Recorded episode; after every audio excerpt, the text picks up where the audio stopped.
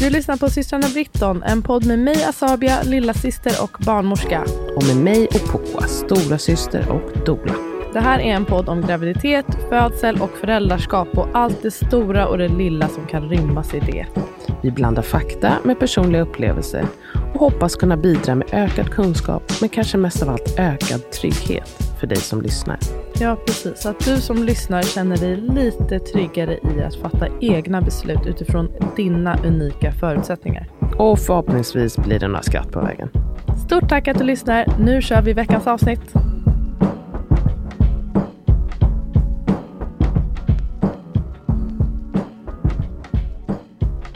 Innan vi sätter igång så vill jag bara säga att vi har en kurs som heter Hypnokurs. What?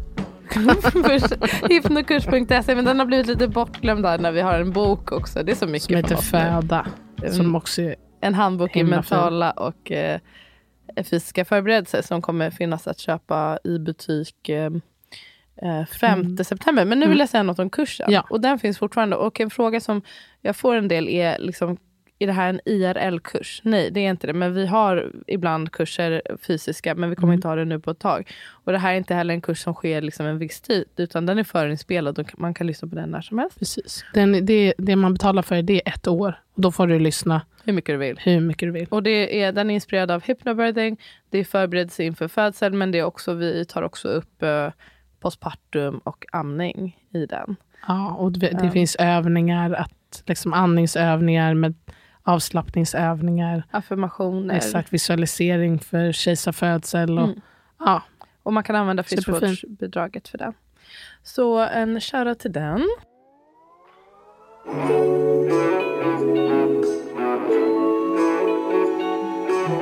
Hej Oppo, hur mår du? jag mår bra tack. Hur är det med rösten?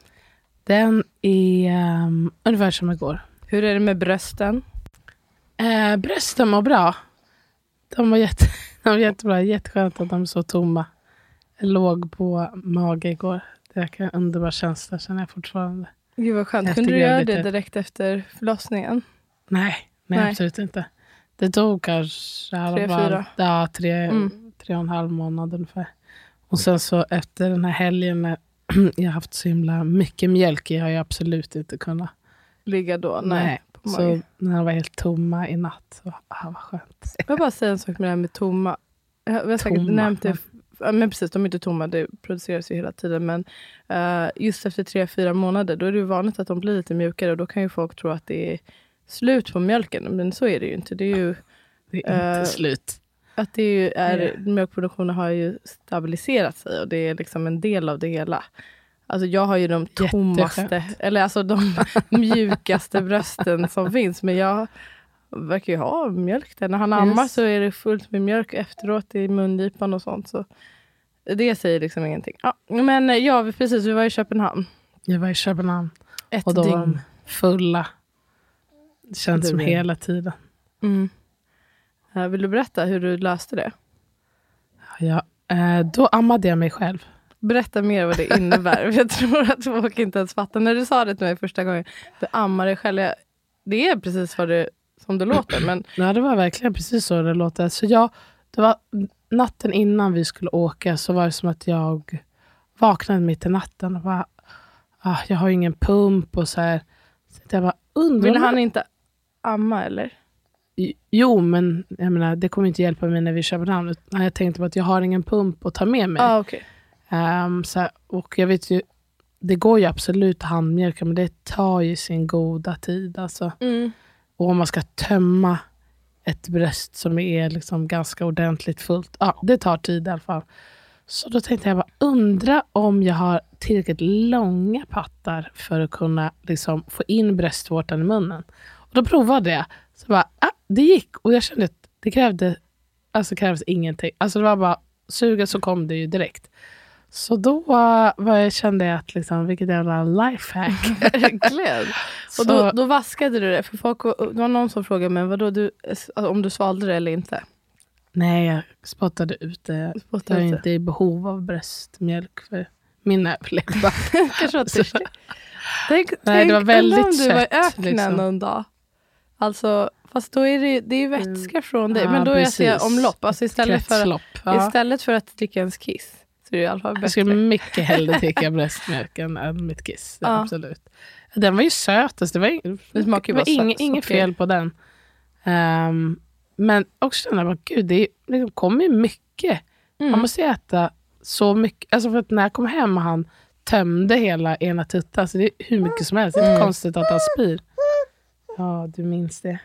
Du minns det. Nej, men det är så praktiskt. Eh, Jag har aldrig tänkt tanken. Jag, bara förmo- jag har ju också väldigt flexibla bröst, vilket är härligt. Men jag har aldrig tänkt... Jag, jag trodde faktiskt inte man skulle kunna nå. Jag har inte provat. Jag kanske inte kan nå. Jag vet inte. Jag kanske inte har tillräckligt långa. Men du prova?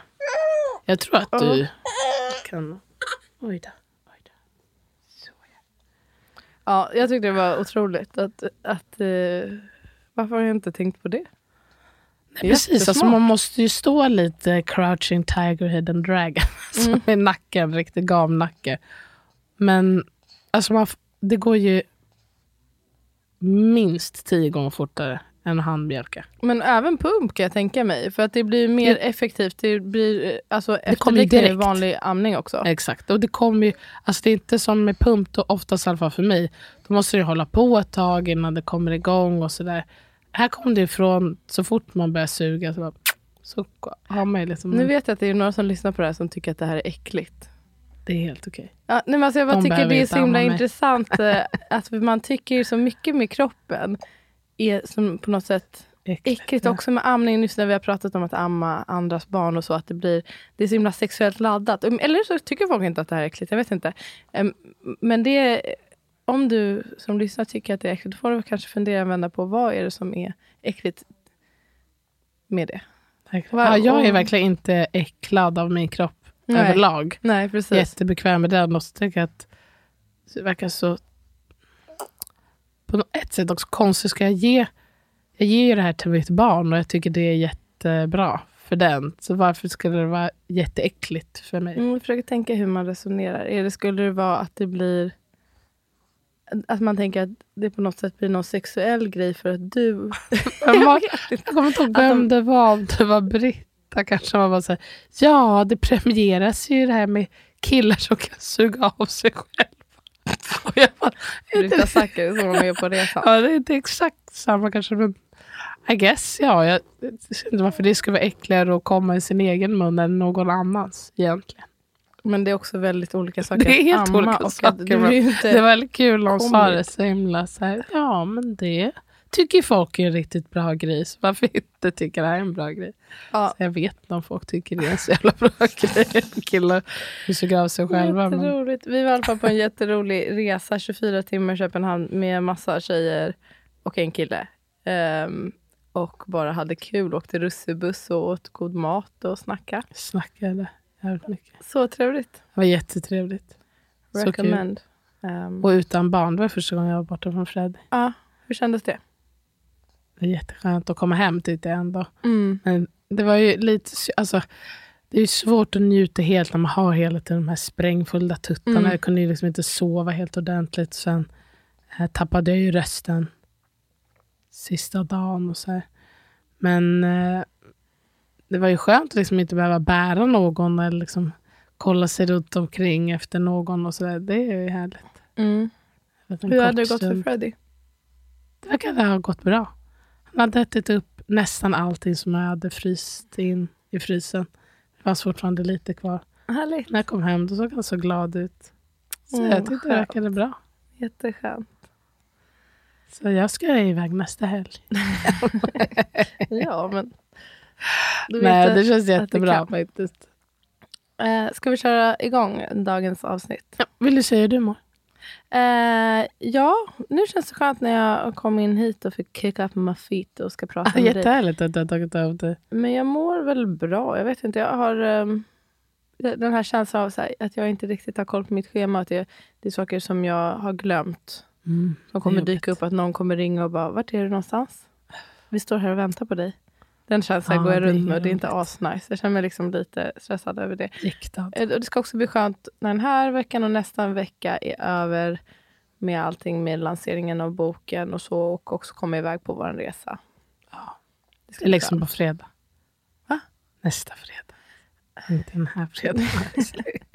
Nästa ja, men det ska pratade vi om nästa vecka. vad jag ska- ja, men det är det här, jag vet inte. Jag känner att jag inte har någon koll. Ah. Och för övrigt så känner jag nu, jag tycker det ska bli tråkigt att vara borta från min yngsta son så länge. Men det ska ju bli väldigt härligt och en helt unik möjlighet att vara med mina föräldrar så här länge.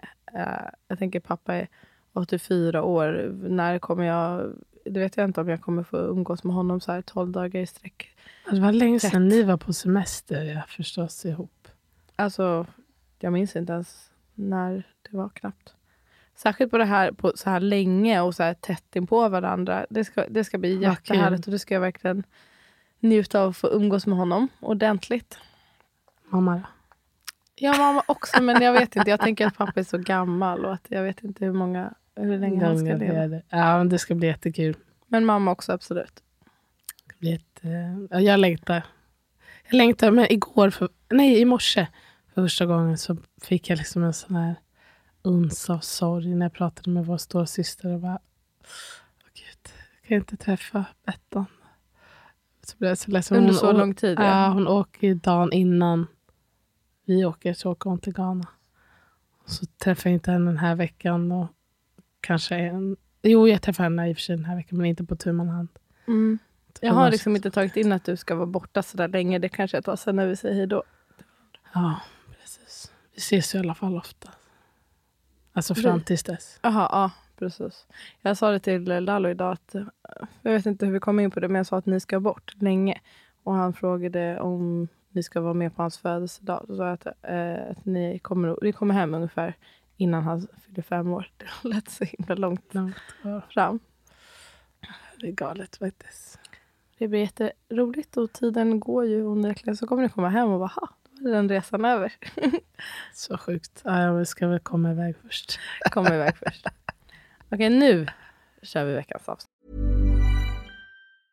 Ready to pop the question? The jewelers at BlueNile.com have got sparkle down to a science with beautiful lab grown diamonds worthy of your most brilliant moments. Their lab grown diamonds are independently graded and guaranteed identical to natural diamonds, and they're ready to ship to your door. Go to BlueNile.com and use promo code LISTEN to get $50 off your purchase of $500 or more. That's code LISTEN at BlueNile.com for $50 off. BlueNile.com code LISTEN.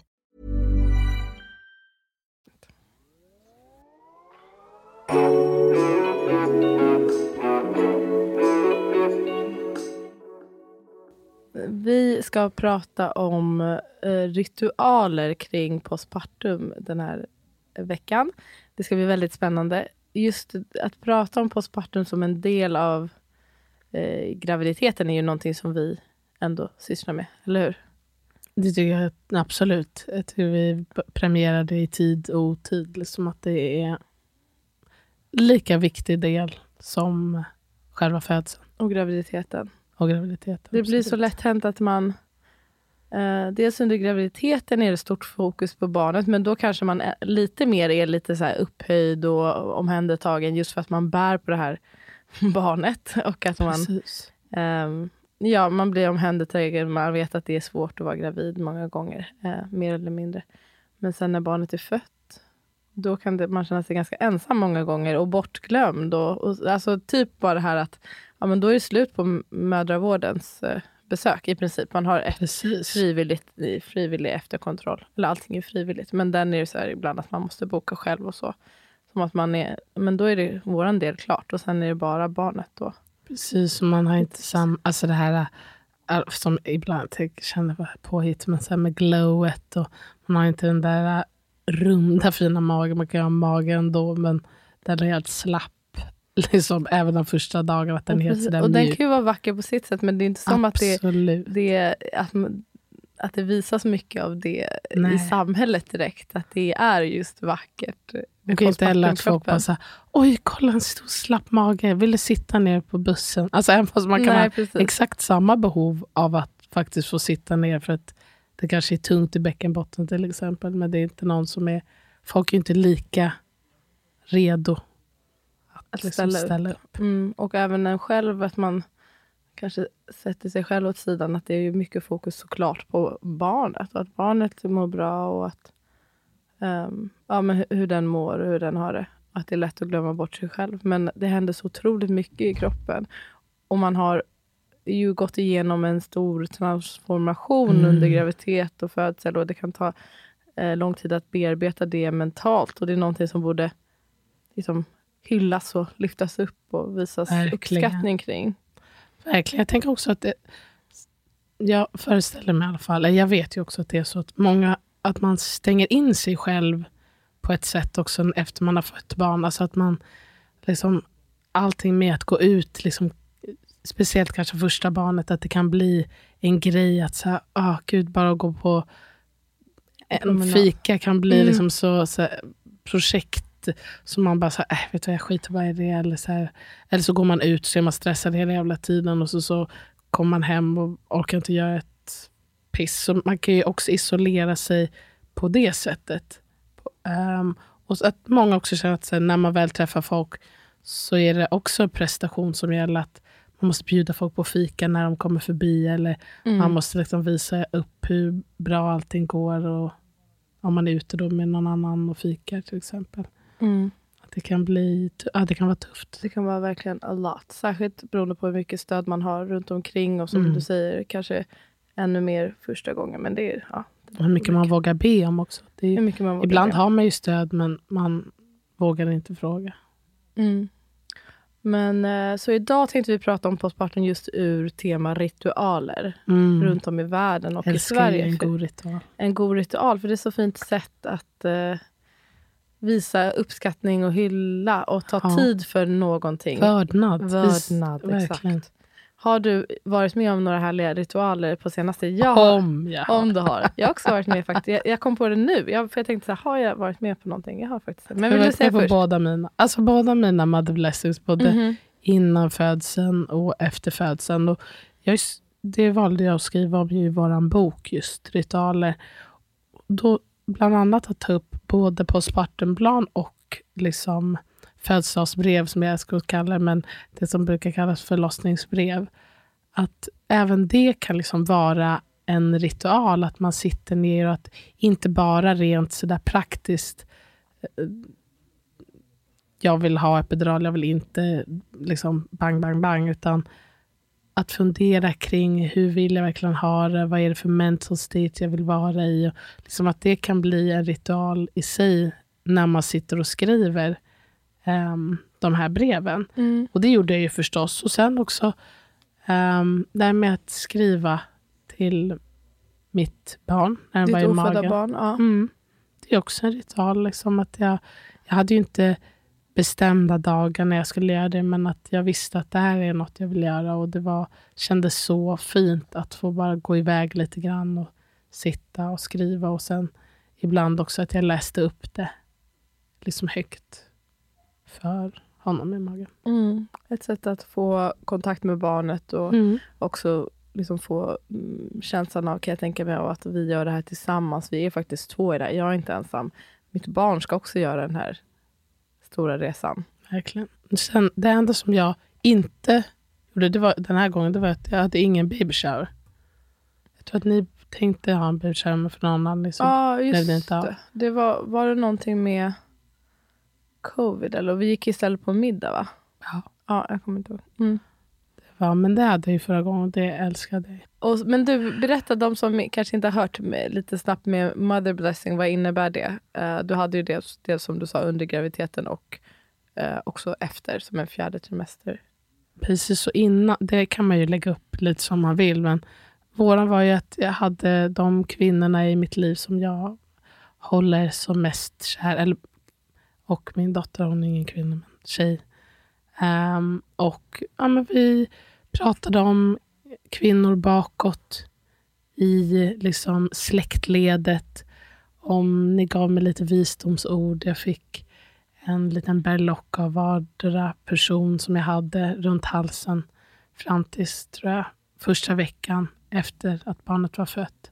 Som en symbolisk grej för att vi, visa att vi är med dig, inte bara där men också in spirit. Precis. Ja, det var så Um, himla fint och ni masserade min kropp, kommer jag ihåg. Och det var så magiskt tillfälle. Jag mådde så bra. Och sen efteråt så hade vi lite mer liksom att så här var det och um, att ni älskar mig. och liksom Lite mer att stänga, liksom symboliskt se hur kroppen och sinnet stängs eftersom man är så på många sätt så himla öppen. Precis, det här Under- menar du efteråt, alltså Ja. typ, det här var typ tre månader efter? Eller Ja, något sånt. precis. Det var Mm. på dagen på ehm, tre månader Mm. så som, för att fira då fjärde trimesterns slut. Och som att nu är födseln färdig. Nu är jag redo att liksom gå ut i verkligheten. Mm, det var väldigt fint.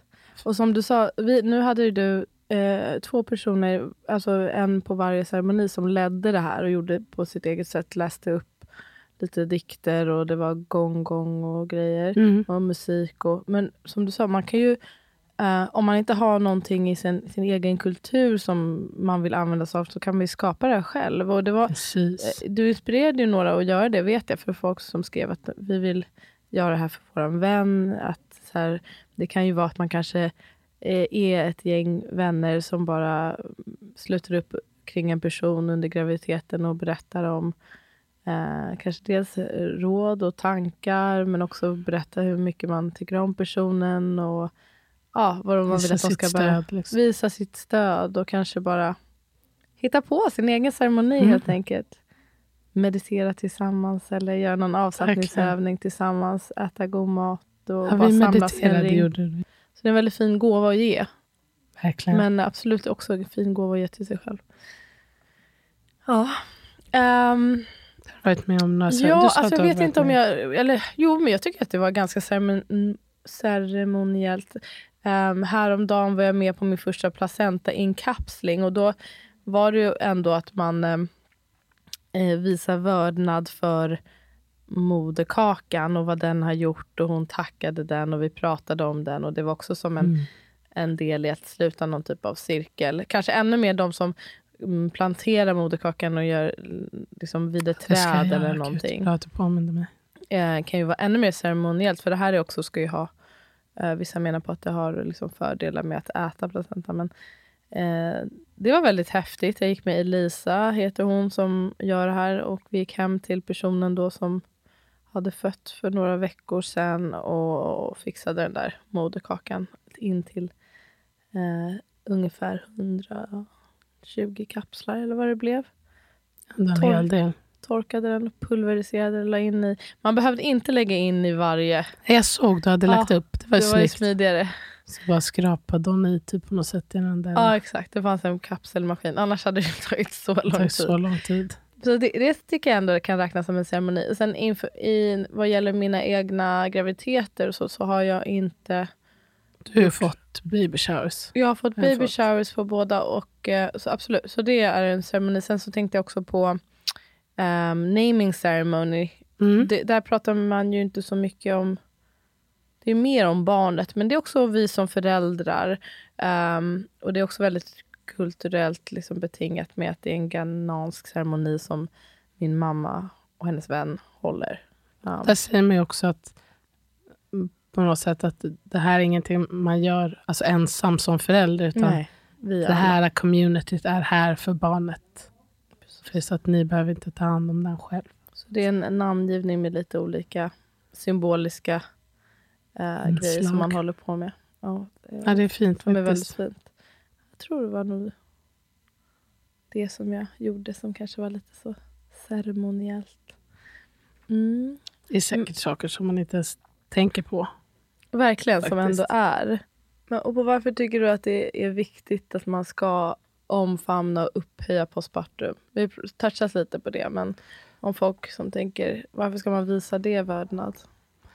Alltså det är ju, jag tänker att det är ju, man, man märker ju att det är en del av hela födseln för just det här med att man är så öppen och man har gjort något jättestort som liksom kan vara jätteomvälvande både fysiskt men också mentalt.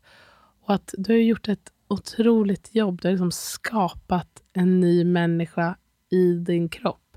Det är klart att vi ska hylla det. Och liksom en ny människa har blivit till. Det är väl verkligen, alltså om man ska fira någonting så känns väl det som en rimlig grej att fira, eller? Jag menar liksom, Jag tror att det kan hjälpa en i ens välmående och ens uppskattning Mhm. till ens kropp. Alltså faktiskt ta en stund och vara tacksam för verkligen. det kroppen har gjort för en. Snälla, man firar ju att folk liksom har fått nya jobb. Det här är, Mm. det här är ju en jättestor grej som man har gjort. Ändå. Mm. Liksom, man har blivit förälder, ibland för första gången, men även om det är för tionde gången. Du har skapat liv, den här personen har kommit. Det är liksom ett, man har ju bidragit till världen, Mm. verkligen. Det är verkligen någonting. Man behöver inte snåla med firande och Nej. eh, att stanna upp och, och Man- visa vördnad för sånt som man bör vara tacksam för. Och sen att inte bara, för det är så mycket att man bara kör på, kör på. Men att stanna upp också och ta lite tid och reflektera över vad det är som har hänt. Att visa tacksamhet gentemot sig själv och, och sin situation. Och också att andra människor, för det många människor har ju folk som vill fira en. Alltså folk, jag kan ju inte tala för alla såklart, men om jag talar för mig själv. Att det var ju liksom inte snålt på folk som ville visa sin uppskattning eller säga att fan vad grym du är. Alltså det är inte som att jag var tvungen att tvinga dig och min syrra och mamma och även kompisar som hjälpte mig med mat. Det fanns ju folk som jättegärna ville komma och säga grattis och sådär. Så jag menar, varför inte låta folk göra det? Och också vara skönt för mig att, så gud vad mycket kärlek jag får. Det är verkligen, när jag är så här öppen, då också kände jag att jag kunde ta till mig det ännu mer på ett Mm. sätt. Att det var så, jag kände mig så älskad. Mm. Vad fint. Och det är ju underbart. Det, är kommer, det underbart. kommer jag ihåg, även om jag inte är lika öppen nu, så tänker jag ju på de här liksom, veckorna innan och veckorna efter och själva födselögonblicket. Alltså med så, så mycket tacksamhet och så, eh, ja, med så mycket glädje. Verkligen. Jag fick så mycket kärlek. Underbart. Jättefint. Vad säger du då? Nej, men att det är väl också ett, ett tillfälle att just stanna upp och som du säger att det är lätt att bara köra på, köra på. Och att ta det här tillfället att bara mm, vara i stunden och ta in.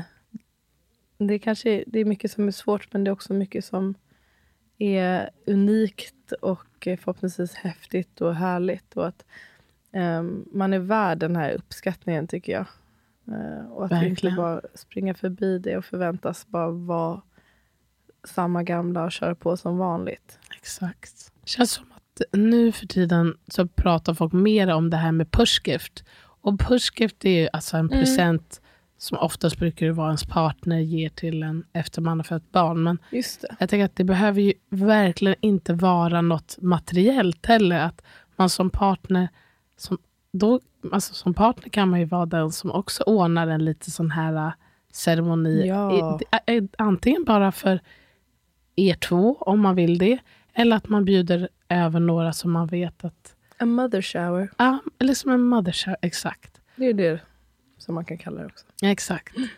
Men du, vi ska prata ritualer around the world. Mm. Men Sverige då? Om man börjar med Sverige, har vi några ritualer? Så här, vi pratade om det här lite häromdagen och då, då nämnde du ju en grej som jag inte har tänkt på alls, att det är ändå en svensk ritual. Ja, och det är ju att det är ju standard att partnern får klippa navelsträngen. Att de erbjuds det nästan alltid. Och de Nej, men flesta, alltså, det är ju bara typ om, om det går för fort och de klipper den själva. ja. Annars så är det alltså, Eller man, brukar, man brukar ju fråga så här ibland, alltså vem vill klippa? Kan man ju fråga. Men det är, Ja, det är ganska, det är en liksom vanlig grej att det är just eh, partner som, Som klipper navelsträngen. Och jag har faktiskt inte tänkt på att, att det är en unik grej för Sverige. Men det makes sense. verkligen. För jag antar att i många länder så är det väl alltså personalen som Ja, bara precis. klipper. Så tänker man inte mer på det. Det är väldigt symboliskt och vackert tycker jag. Man får liksom vara med på ett hörn. Ja. Det är Och att det, det är en fin symbolik i det. Att nu är du inte bara liksom din, den som har burit dig. Det, det tillhör inte bara Nej, henne. Så nu precis. klipper jag här. Det är väl liksom en typisk svensk. Sen har vi ju såklart det är många som har baby showers nu för tiden. Och, och sådär. Men just postpartum, ja, det skulle väl vara kanske då att vissa fortfarande har dop. Men det är de grejerna som jag liksom verkar försöka tänka, men det är de grejerna jag Som är kommer ändå på. så svenska ritualer. Kring. Och jag antar också förlossningsbrickan som man får på sjukhus. Just det. Det tror jag också är, jag vet inte hur det ser ut på andra sjukhus, men den är väldigt särskild. Symbolisk. Och, Man får den här Mm. svenska flaggan och kringlig gurka. Och så. just det, och man, att det det är ändå en målbild för många att få den där. Exakt. Och att det kan vara en stor sorg för vissa som när den, typ om de inte fick flaggan eller att de inte fick brickan på rummet. Om det inte hans med av någon anledning och de får Nej, baka upp. ja, Då, det är tråkigt. det, det, då Va? kan man bli väldigt ledsen för det. Tycker jag, jag flaggar för att man ska be om att få den då till Be BB. flaggan. Kan ni snälla gå och hämta Ja. en flagga åt mig? Nej men just det, det finns. Ja, men, eh, vi kanske inte har så mycket mer. Vi får börja införa lite mer svenska ceremonier och ritualer. Ja, men Eller så till, behöver de inte vara svenska. Man kan bara ta... Nu ska ju vi snacka lite ritualer i världen. Ja. Och att liksom låta det inspireras. Några av grejerna har vi ju pratat om. Eh, men jag tycker att det är några grejer som jag bara, det här är jättebra. Och att jag inser att det är några grejer som jag inspirerades av utan att jag visste att det kanske kom från just Bali eller Uganda eller vad det nu var. Nej, precis. Plocka lite. Var lite eh, sea och bara plocka från lite olika kulturer. Okej, men då ska du få ta oss på en resa ut i världen och vi börjar i Bali va? Ja, men jag tycker det. Bali, Bali har ju, eller Indonesien ska man säga, har ju en väldigt stor, eller världens största muslimska ehm, population. Men de har också en egen form av hinduism kan man säga, liksom, som har väl levt kvar på ön. Och man tänker sig, man tänker sig att när barnen föds så har de reinkarnerats. Mm. Ehm, men när de föds är de fortfarande i någon typ av limbo. Så att de är fortfarande, liksom, Alltså de är som, återfödda? Eller? Ja, Mm. precis. Och att de är, är ju här på jordelivet, men de är fortfarande gudomliga. Ja. Och så är det liksom i, ja det är lite olika, det verkar vara mellan 100 och 200 dagar ungefär, så lever de i det här äh, mellanlandet. Och man behandlar då de bebisarna som gudar. Jag tycker det låter så... Jättefint. Och på vilket sätt undrar man hur, hur, man, hur behandlar man dem som gudar? Vet du något mer om det? Man kan väl tänka sig att liksom, man tvättar dem sådär med vördnad, kanske klär dem fint. Men en sak som verkligen stod ut, det var eh, för mig när jag läste om det, det var att de får inte vidröra marken Mm. under den här tiden. Mm. Och det vet jag att jag hade en kollega från Azerbajdzjan eh, som sa att hon, de gjorde också så. Det var första hundra dagarna så skulle barnet inte vidröra marken. Marken, alltså golvet? Ja, golvet. Ja, liksom. okej. man, man ska väl inte lägga dem ner på golvet eller Också, lägga men för fötterna. att visa att de är, de är upplyfta. Exakt, Ja. och de hör inte till den här världen än. Alltså, de ska inte ha fötterna på jorden Ja, än, I guess. symbolik i det. Eller hur? Och sen Mm. så har man då ehm, man har en ceremoni sen när de här dagarna ehm, är slut. Där man då välkomnar dem. Att göra sådana här symboliska handlingar, det kan ju, för vissa kanske tycker, som är, jag vet inte, eh, att man bara tycker det är hågibåg inte genast. Men jag tänker att bara tänka så här, det här barnet får inte vidröra marken. Att det blir ju som att, eh, ja, men att man visar ännu mer uppskattning för barnet. Mm, och att man har, verkligen. har fått liv till världen. Kan jag tänka mig. Jättefint ju. Så där, eh, man tänker sig då att barnet är skyddat av 108 ga- gudar. Eh, eller andar kan man säga. Och jag kommer butcher the name tyvärr. Men där kallas Nyama Bajang. Exakt så. Men jag tyckte det var så fint. Eh, och det här är också då också för att skydda, skydda från onda andar. Och det är ett väldigt återkommande tema i många um, ceremonier som jag har läst om. Mm. Att man just vill skydda barn från onda andar. Och det är väl liksom från förr i tiden när många barn, och sjuka också på och många ställen Mm. där fort, barn fortfarande dör väldigt tidigt. Mm. Men de hade en till grej som jag tyckte var så himla fin. Och det är att man tänker sig att eh, moderkakan är som en tvilling till barnet, eller en Mm. tvillingsjäl, som då har hjälpt barnet fram tills liksom, födseln. Och efter eh, barnet är fött och jag antar att, liksom, att de har separerats från varandra, moderkakan och barnet, då tvättar man eh, och förpackar och klär in eh, moderkakan i ett vitt eh, skynke eller lakan av något slag. och sen under liksom under ceremoniella omständigheter, man ska säga. Jag vet inte om de sjunger eller vad de gör, men under en ceremoni så begraver man sen um, moderkakan utanför sitt hem. Fint. Jag tyckte det var så vackert. Och det är också det här med att då också få den åka tillbaka till jorden för att skapa nytt liv är ändå. Jättefint. Jag pratade med Lisa som jag gjorde inkapseln med. Hon är väldigt att hon tycker att det är så viktigt att man just, även om man inte vill äta moderkakan, det förstår jag att många tycker är extremt, och även om man inte vill begrava den eller ens som jag, bara slänga den i soporna. Jag har inte heller känt en attachment till den, men att man åtminstone kan visa en uppskattning och tacksamhet just för att tacka sin kropp och inte ta saker så mycket för givet. Det här du organet, organ. det är ett, det enda organet som är ett tillfälligt organ som bara eh, används under en viss tid. Och det är Troligt. den som liksom gör hela jobbet i princip. Att ditt, ditt barn ska kunna bli ett barn. Det är väldigt Jag tänkte häftigt. på, jag såg att, eh, jag kommer inte ihåg vart det var, men att de nu har lyckats göra eh, utan alltså ägg och spermier och sådär, så har de lyckats med stamceller producera um, ett embryo av en råtta som har kommit så långt att den fick början till en hjärna och ett hjärta.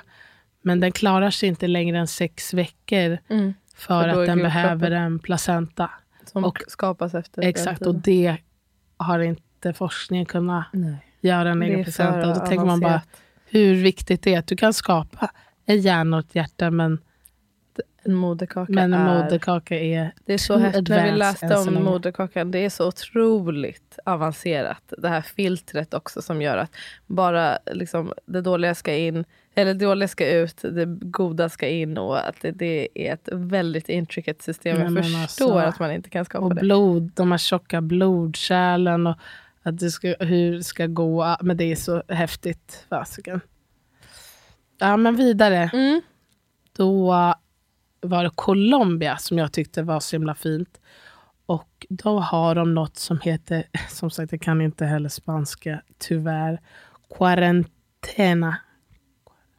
Ja, ah, vad roligt att du skrev om det. För det var Elisa som, förlåt nu pratar jag så mycket om Elisa här, men hon, hon har skrivit sin, hon är en italiensk barnmorska har skrivit sin um, inte avhandling, hennes sista uppgift, liksom C-uppsats ja. motsvarande om just eh, eh, ceremonier, hur man behandlar moderkakan runt om ah, i världen.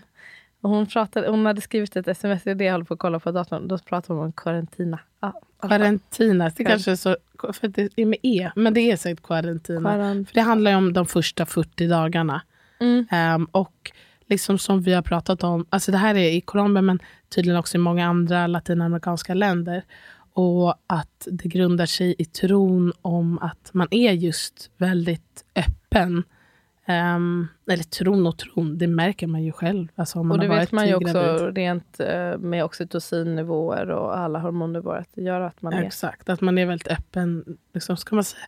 Mentalt låter så smalt, men Emotionellt. Emotionellt, mentalt, också på något sätt spirituellt. Också, ja. också fysiskt, hur man är, att man inte har slutit sig än. Dels magmuskler och cervix och allting om livmoder. Precis. Um, och att man då under den här tiden är mer skör och också behöver uh, skyddas lite extra. Um, så man tänker sig att den första veckan efter att man har fött, då ska man stanna i sängen. Mm. Um, och sen efter ett tag då så kan man börja röra sig lite smått runt huset. Liksom. Um, efter hur lång tag Efter då? en vecka. Efter att okay. ha legat i sängen en vecka. Och sen är det först efter... Legat i sängen verkar lite jobbigt tycker jag. Men man ja, men jag antar att du ska gå, gå på toaletten. Och så, okay. Men det är väl att man ska liksom, ja, leva kring sängen. Ja. Du ska inte hålla på och göra några grejer. Liksom. Och sen efter 30 dagar, då kan man börja lämna huset, men liksom korta stunder. Och det här skulle ju kanske vara... Men, det, men jag tänker att man kanske själv tänker så här, "Åh, oj vad svårt och jobbigt, men i den här tiden så ingår ju också att då i det här fallet kvinnorna i ens liv Hjälper är på plats. Ja. Exakt. Ja, precis. Man hjälper också... en med både barnet och liksom om man själv behöver något stöd och hjälp. Och det är allt från liksom kanske massera en lite grann till att fixa med tvätten och, och ordna sådär. Så att liksom man blir pampered. Och Kanske bara barnet lyssna också. också. Lyssna, exakt. Eller som hålla en hand, hjälpa till och sätta på en trosorna när man håller sitt barn. Alltså Underlätta helt enkelt. underlätta helt enkelt. Och sen, Det här, får jag bara, Ja. det kanske vi tar mer sen, så här. men eh, du, det låter ju lite likt det du sa med din postpartumplan. Då hade ju du Mm. som att de första fem dagarna tror jag du skulle stanna hemma. ja. Var det här inspirerat av någonting? Eller kom du på det? Just Men jag kommer inte ihåg. Jo, det var inspirerat av något, var inte något Mm. jag kom på. Men för det var någon som sa första fem dagarna, eller jag kommer ihåg om det var första fem dagarna, första veckan, ehm, i sängen, nästa vecka sju dagar runt sängen mm. och sen resten av, eller och sen sju dagar i närheten av Under- sängen. Eller under sängen. Nej, men om det var så i närheten av sängen eller något Mm. sånt där. Ehm, och det var eh, liksom, även för mig fem dagar att inte gå ut. Mm. Det lot. var ändå så här, jag, jag tittade ut och bara, oh, look at the world out there. Ja, jag Men det var det. så också. Du hade så, aldrig gjort det om du inte hade skrivit ner jag det. hade aldrig gjort det. Och så var det ju typ, sen så gick jag första gången jag gick ut, det var nog på den där femte dagen, så fuskade jag lite, men då gick jag bara till återvinningen som ligger två minuter bort. Jag ihåg att jag bara, oj gud, det här är så mycket. Att gå dit. Ja, Ja. och bara så det så att jag kände bara, åh det är tungt i bäckenbotten, men också att så här, åh, det är så mycket folk och det luktar avgaser. Jag gick dit och gjorde det där, sen bara, äh, vad skönt det ska bli att komma hem. Det var Gud. så härligt att få bara också stanna upp och vara. Alltså, man blir ju tvingad till att stanna upp också när man är Mm. hemma på ett sätt, att man inte får massa intryck. Och det var så, jag är så glad Att att jag skrev ner det. Ja. Det är så unik och kort. Alla, all tid är väl kort tid. Jag menar man är aldrig i samma stund igen. Men just det här äh, riktigt färska. Omedelbara. Ja, jag tänker det är väldigt stor skillnad från när du födde Irie och vi drog, du drog, drog med och köpte sushi. Alltså du hade ju typ fött typ fyra timmar. Alltså, jag hade, Sprang du så ner väntade på att det skulle öppna. Och bara, ah, ja, jag nu är gå." det öppet, nu måste jag dra. Jag bara, jag kan gå själv. Men nej, jag måste följa med. Helt psykopat. det är Det tyvärr bra min då. riktiga personlighet. Ja. Så det var bra att jag skrev, för annars hade jag säkert inte hållit det. Ja, Nej. men jag ska bara avsluta med att sen efter 40 dagar, det är då man liksom anses kunna, eller anses redo att ta sig ut liksom, i verkligheten och Mm. leva sitt liksom, um, daily life. Och då under de här 40 dagarna också, som jag tror också är vanligt i, eller jag vet, i kinesisk medicin, att man ska undvika kyla. Att man ska inte hålla på, man ska inte duscha egentligen. Eh, eller hålla duschandet till ett minimum. Så jag antar att det är liksom mer bada. Man pratar om liksom ta örtbad och um, så snippsauna Mm. med örter och äta värmande mat. Ja, och det är, ja, som sagt, det har jag, just det här med värmande mat, det vet jag är stort inom kinesisk medicin. Mm. Det verkar också vara ganska vanligt liksom, tanke om tiden efteråt, att man ska just hålla värmen. Men även under uh, födseln vet jag, för jag har haft ett par som är från Kina vill jag påstå. Som då bara under att bara dricka varmt te och så när de föder. Mm. Och jag, jag tänker direkt på en negativ upplevelse jag hade med att det togs inte emot på ett direkt ett bra sätt att de gjorde på det sättet. Och personal. Ja, personalen. De tyckte det var så Skulle himla udda. De ville ge saft och så.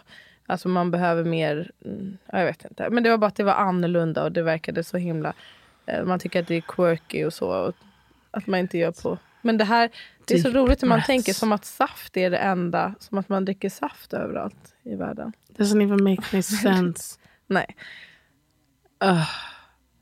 Och också så här, alltid innan saft fanns på marknaden.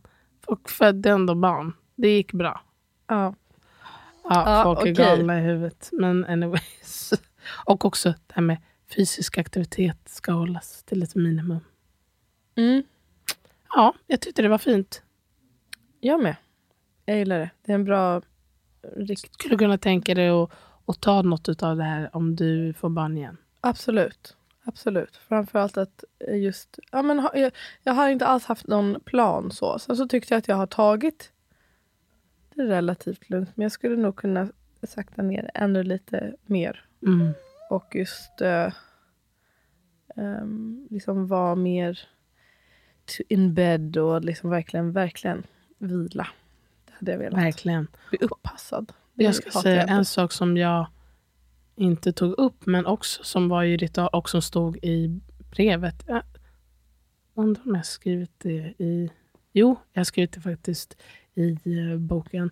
Just det här med att ta ett örtbad efteråt. Just det, Att det, det, gjorde var ju du. också en underbar stund. Jag såg bilder från det häromdagen när jag skulle leta efter något annat.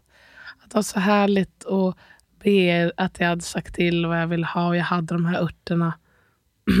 Eller liksom ett, ja, med ett te som jag badade i. Och Det var så skönt efteråt när jag hade varit i den där poolen som jag längtade efter att komma ut ur Mm. efter, bad, efter att barnet var fött. Att sen när jag hade legat i sängen liksom några timmar och så här, att få lägga mig, känna det här varma och väldoftande vattnet mot kroppen. Och sen så att få lite mat och det var bara så fint och levande ljus.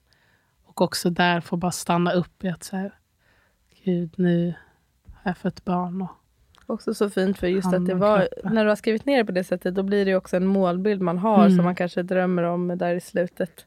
Att när verkligen. man eh, har hela resan framför sig och att sen få uppleva det är jättefint Jätte- sätt att ta in jättefint. stunden.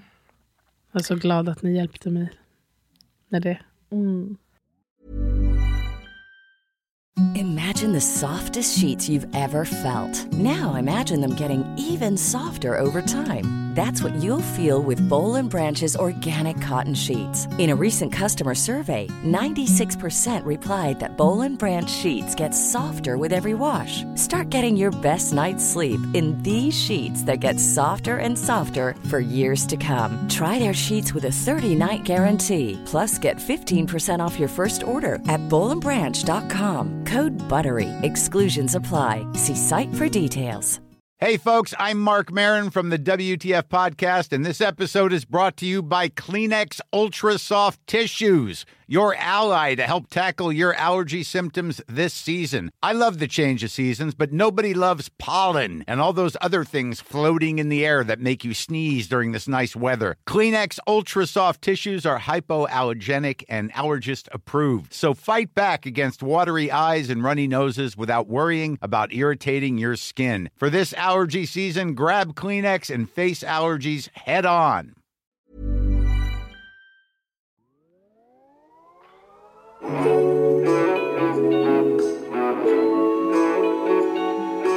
Okej, har du Och något det på är Afrika då? Någonstans i Afrika? Har de någon Afrik. tradition? Um, finns det någon tradition på kontot? Ja, Uganda. Och då, och det här är väl, alltså det ska ju sägas med alla de här grejerna. Det är inte som att alla i Uganda Nej, gör det här. Eller alla i Mexiko går runt med en rebozo start. Nej, precis. Utan Det är säkert i några ställen. Och Mm. det här misstänker jag kanske är lite mer på landsbygden Ja. eventuellt. Men jag tyckte det var så fint och det var att man tänder en brasa i hemmet i samband med namngivning eh, av barnet och så låter man brasan brinna i fyra dygn. Mhm. och eh, under dessa dagar så stannar den som har fött hemma eh, och går ut bara på kvällstid. Mhm. Ehm, Varför? vet jag inte. Kanske dels för vila säkerligen. Och, och det är verkar- varmt på dagen och Ja, sådär. och så det man verkar inte ska tar så mycket energi. Exakt, och återkommande det här med att man ska skydda sig mot solen. Och det är väl, Mm. Och det är ju rimligt. ja, precis som vi pratar ju så mycket om hur ska vi skydda barnen från solen Mm, också, även om det inte är ceremoniellt. Mm. Ehm, men sen så när navelsträngen och uh, ja, moderkakan lossnar då från barnet, jag antar att då klipper de den inte, utan när, när den lossnar av sig själv så blandar man den eh, med vatten och askan från den här fyra dagars brasan. Och sen så ger man den här blandningen till eh, familjens boskap. Då brukar det oftast vara, eller i alla fall om man har pengar, så att det är kor. Att man ger det till eh, korna. Ah. Och det är väl liksom... Eh, om man har fött en flicka tydligen, då ska man ge det ehm, till korna för att de ska på något sätt... eh, så att det ska ge många kor till familjen på hennes bröllopsdag. Man säger. Mm. Så att man liksom på något sätt att man ger ja, en som en investering till framtiden. Medan om man har fött en son, så när man ger det här till sina kor så ska det ge många kor till sin son. Det är väl för Okej. att eh, kvinnor kan inte jobba och skaffa sig egna kor. Nej, okej. Om man säger. Men det är i alla fall kor ska in i familjen och det är väl bara en, eh, ja, men, en rikedom Ja, till precis. familjen helt Mm. enkelt. Fint. Ehm, och efter den här ceremonin, då får man introducera, då får man gå ut ur hemmet som vanligt och ta med sig sitt barn och man blir en del av samhället som man bor i. Mm. Det är så fint att välkomna ut och det är också, liksom, en del av det är ju att Ja, jag visar dig för resten av världen och världen får se dig och får vara med och ta hand om dig på ett sätt. Liksom att man gör samhället till en del av barnets liv. Ja, det, det önskar man ju att man hade mer av här. Verkligen. Okej, men jag vill säga en, bara som jag tyckte var så fint, som eh, i Nederländerna är ju så nära Kramsorg. oss. Exakt. Oh, jag älskar kramsorg. Det är så, Heter det så? fint. Ja, kramsorg. Och då, äh, äh, tydligen så är Nederländerna tyvärr, äh, eller tyvärr, men det är färre och färre som har, procentuellt i alla fall, som har hemfödslar. Eh, men de har fortfarande mest i västvärlden och det är ungefär 30 procent. Mm, jag tror det Ja. var 20 ungefär. Mm. Eh, jag kollade i alla fall då på hemsidan, då, det var ändå från i år, så stod det cirka 30 procent. Ehm, och De hade 50 procent för några år sedan bara. Ja, så, Mm. ja det går fort. Och det, ja, jag vet inte varför det har blivit så. Då. Eh, men om det är så att man bestämmer sig för att föda barn, då också av staten så kan man hämta ut ett krampaket. Mm, jag vet. Eh, Underbart, så har man det. liksom lite olika grejer som kan behövas för en hemfödsel. Så det är liksom inte Men bara... också att- inte bara när man föder hemma tror jag. Alltså man får den här kram för postpartum. Ja, man men får det verkar- blöjor och man får Ja, okej. grejer. det kanske...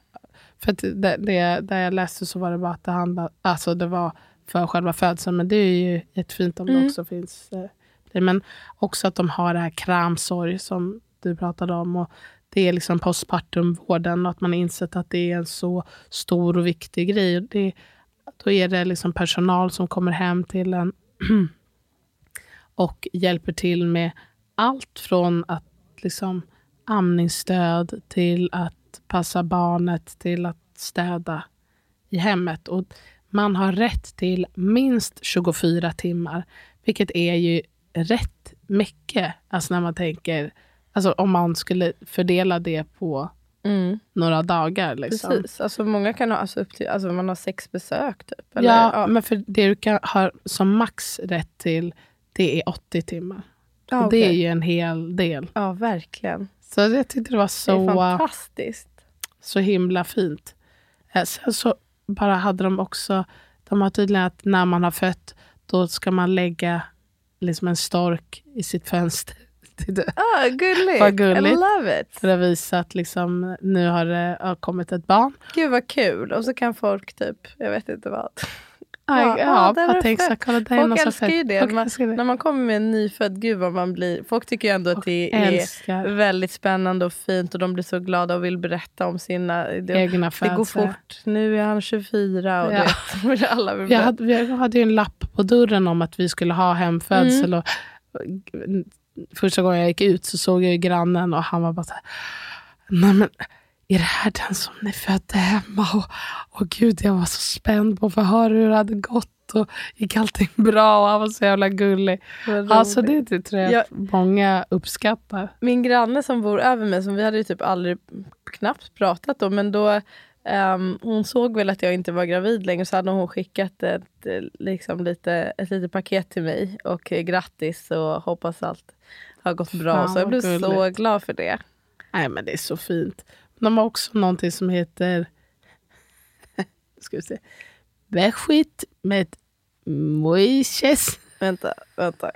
Okej, Bechit Meishes. Är det det det heter? Met Moises. Ja. Det betyder i alla fall biscuits with mice. Och då Aha. är, jag vet inte varför det här med, med möss kommer in i bilden men på något sätt då, det är väldigt eh, ska man säga, traditionellt att har man fått en pojke då har man blåa sådana här små biscuits som man kallar det. Vem är det som ger dem?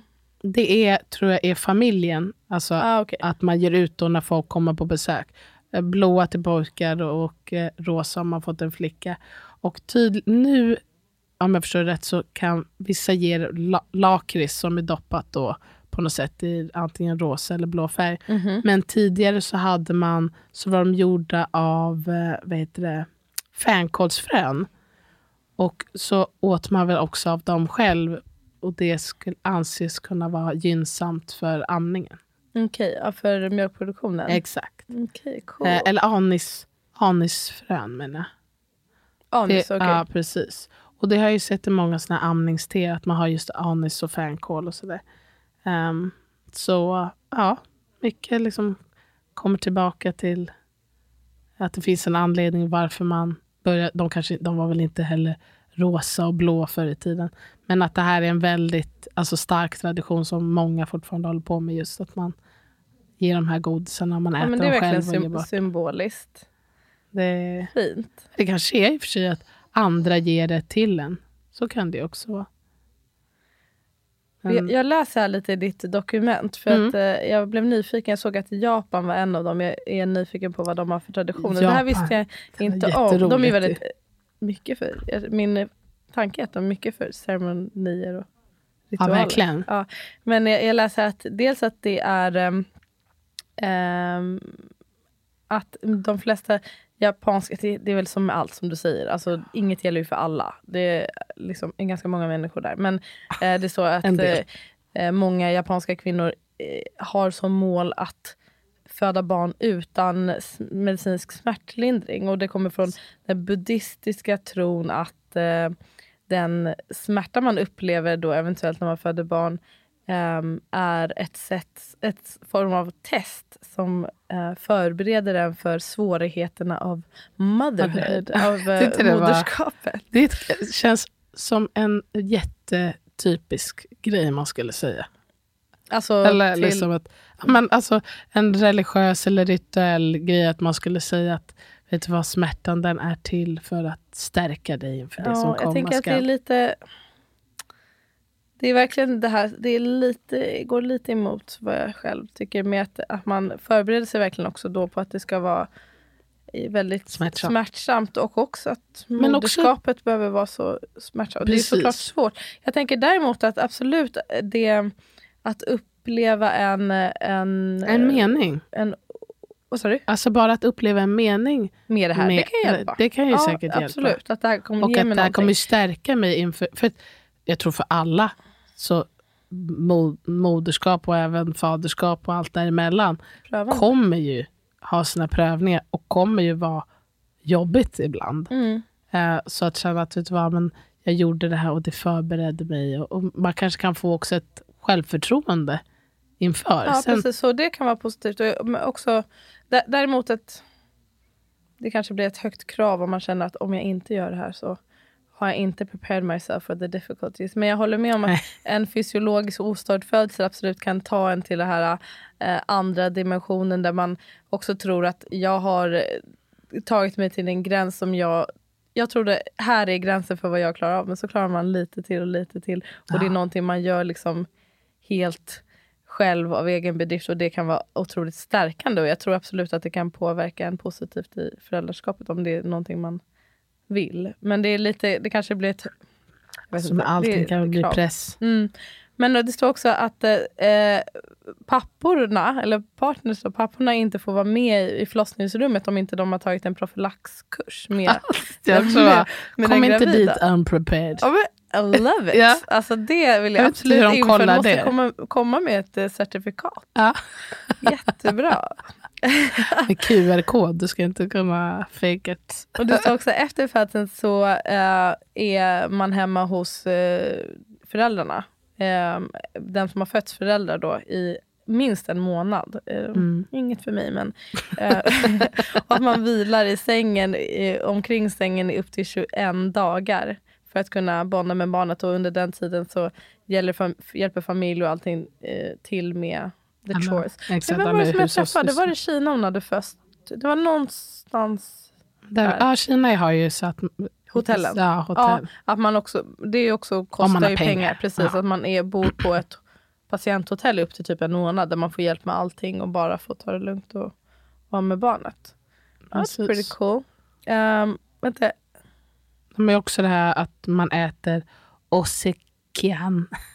Och det är också ganska vanligt att folk, det eh, till exempel också i Malawi, att man just maten är en stor del. Även Turkiet hade en dryck, en mjölkdryck som man skulle dricka. Eh, Ecuador har ett mjölk och roste.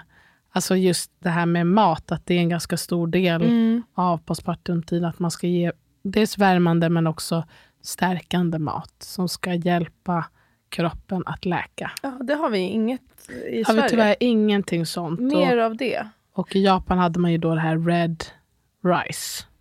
Just det. Eh, som familjen kommer med. Mm. Vad var det med det? Var det Red något bean. Att det skulle vara näringsrikt? Och... Det är säkert. Det- Det som heter kolhydrater och bönor. Det är protein och så. här Och så är ja, något man äter tillsammans. Jag bara, det här var roligt att de har, de har, jag vet inte hur vanligt det här är, men crying contest i, som heter Nakizumo i Japan. Alltså skriv gärna om du är från Japan och vill säga att det här inte sker. Men nej, det står att de har, har crying contest eh, där man kan se vilket barn som gråter först och att enligt japansk eh, belief då så um, så ett barn som kan gråta högt och eh, ofta är mer eh, healthy, vad heter det, hälsosammare än, eh, och växer snabbare. det kan man ju tänka sig det är- såklart. Precis, alltså om ett tyst och slött barn det kan ju vara ett tecken på att man inte mår bra, men man kan ju också vara ett lugnt barn. Exakt, inte men det här är väl från olden times Ja, olden också. times, att, s- är det ett tyst barn då var det väl vanligare att det barnet var sjukt. mm, kul. Mm. Ja, men vet du vad, vi hade något till men jag tror vi får avsluta där. För nu är vår tid slut. Okej, kanske, vi kanske kan dela några av de andra på Instagram. Ja, vi verkligen. För vi hade några fler. Nigeria och Finland och lite andra. När jag delar det här inlägget, eh, ni får jättegärna berätta eh, om ni har gjort några ritualer Ja. under graviditet och postpartum. Det är väldigt kul att höra. Dels om ni har hittat på några egna eller om ni har några i den kultur som ni tillhör. Det vill jag verkligen höra om. Jag vill bara jag måste säga som jag inte... jag tycker det känns också så himla eh, Nigeria. Att man efter ett, ett barn är fött, att man bland annat skulle ge salt and pepper to keep things exciting and spicy. Jättebra. Det behöver man i livet. Ah. Och att första badet skulle göras, första badet av barnet skulle göras av eh, mormor eller farmor för att det, symboliken i det är att det här är ingenting man gör själv Ja. utan familjen gör det här tillsammans. I love it. I love it. On that Hörni. note guys. Tack eh, att ni lyssnar. Vi uppskattar det så mycket. Vi tycker att det här är jättekul att göra och vill Mm. fortsätta med det. Om Fira moderskapet. fira moderskapet, absolut. Eller föräldraskapet. Föräldraskapet också. Okej guys, vi hörs nästa vecka. Puss och kram på er. Puss och kram. Bye.